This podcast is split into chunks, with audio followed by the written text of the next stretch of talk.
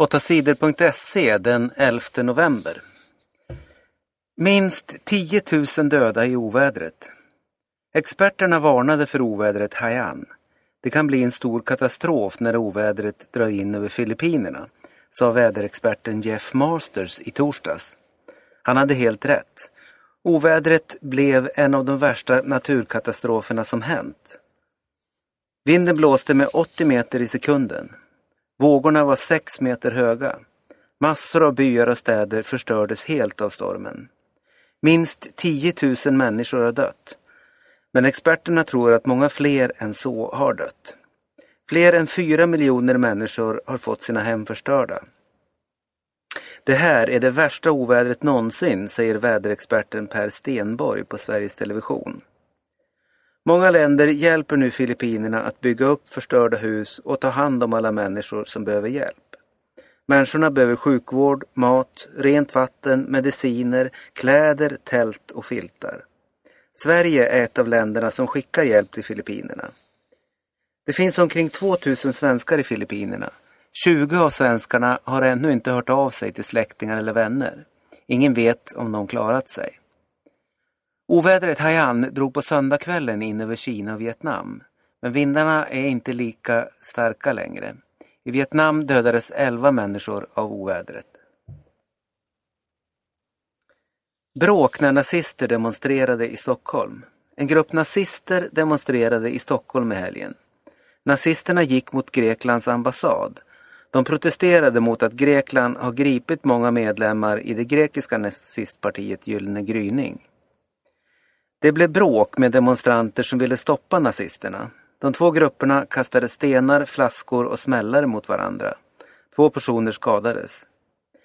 Nazisterna demonstrerade på årsdagen av kristallnatten i Tyskland 1938. Då angrep nazister judiska affärer och synagogor. Fler än 400 judar dödades. 20 000 judar sattes i nazisternas dödsläger. Tusentals affärer förstördes. Företag lär kommuner fuska med lagen LSS. Alla svenskar har rätt till ett bra liv och att få vara med i samhället. Det står i lagen LSS. LSS säger att människor med funktionsnedsättning måste få hjälp till det. Lagen har funnits i 20 år. Nu har det kommit fram att företag tjänar pengar på att hjälpa kommuner att fuska med lagen. Företagen reser runt i landet och lär kommuner hur de ska säga nej till människor som behöver hjälp. Det är tv-programmet Kalla fakta som avslöjat det.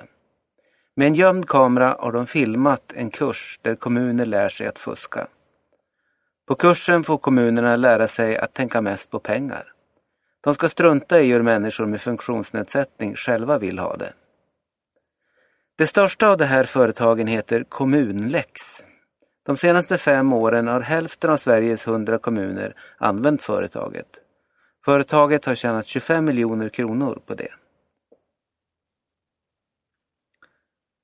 Stockholm får fler tunnelbanestationer. Tunnelbanan i Stockholm ska byggas ut med nio stationer.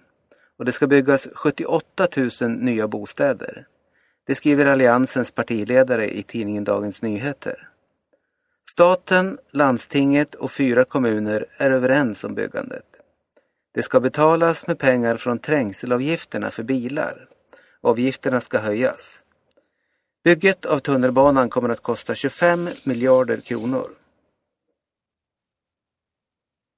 Norrman kan bli mästare i schack. Magnus Carlsen är Norges nya stjärna. Han är bara 22 år gammal men redan nu är han på väg att bli bäst i världen i schack. I VM möter han Viswanathan Anand från Indien. Anand har blivit världsmästare fem gånger i rad. Men i år tror många att Carlsen ska vinna. Han har spelat bäst det senaste året. VM spelas i Indien. Finalen har börjat med två oavgjorda matcher. Den spelare som först vinner sex matcher vinner VM. Sverige blev trea i Karjala Cup. Sveriges landslag i ishockey, Tre Kronor, vann söndagens match mot Finland i Karjala Cup. Tre Kronor vann matchen med 3-2. Backen Sebastian Eriksson gjorde Sveriges segermål i förlängningen. Segern betyder att Sverige blir trea i årets Karjala Cup. Finland vinner turneringen trots att laget förlorade mot Sverige. Stjärnorna i toppform inför kvalmatchen. På fredag den 15 november möter Sverige Portugal i fotboll. Det är den första av de två matcherna i playoff till VM. Matcherna avgör om det blir Sverige eller Portugal som får spela i VM i Brasilien nästa år. Matchen på fredag blir en riktig rysare. Lagens största stjärnor är i toppform. I helgen gjorde Cristiano Ronaldo tre mål för sitt klubblag Real Madrid. Zlatan var inte sämre. Han gjorde tre mål för sin franska klubb PSG i matchen mot Nice. Nytt rekord av Sara Sjöström. Sara Sjöström fortsätter att simma fort. Hon vann helgens tävling i världscupen i Japan. Sara simmade 50 meter fjäril på tiden 24,91 sekunder. Så snabbt har hon aldrig simmat förut. Det känns riktigt fint. Det var första gången under 25 sekunder, sa Sara efter loppet. Halmstad kvar i Allsvenskan. Halmstad vann söndagens kvalmatch mot GIF Sundsvall. Halmstad vann med 2-1. Mikael Boman gjorde båda målen och blev Halmstads stora hjälte. Segern betyder att Halmstad blir kvar i fotbollsallsvenskan nästa år. GIF Sundsvall får stanna i superettan. Den första matchen mellan lagen slutade oavgjort 1-1.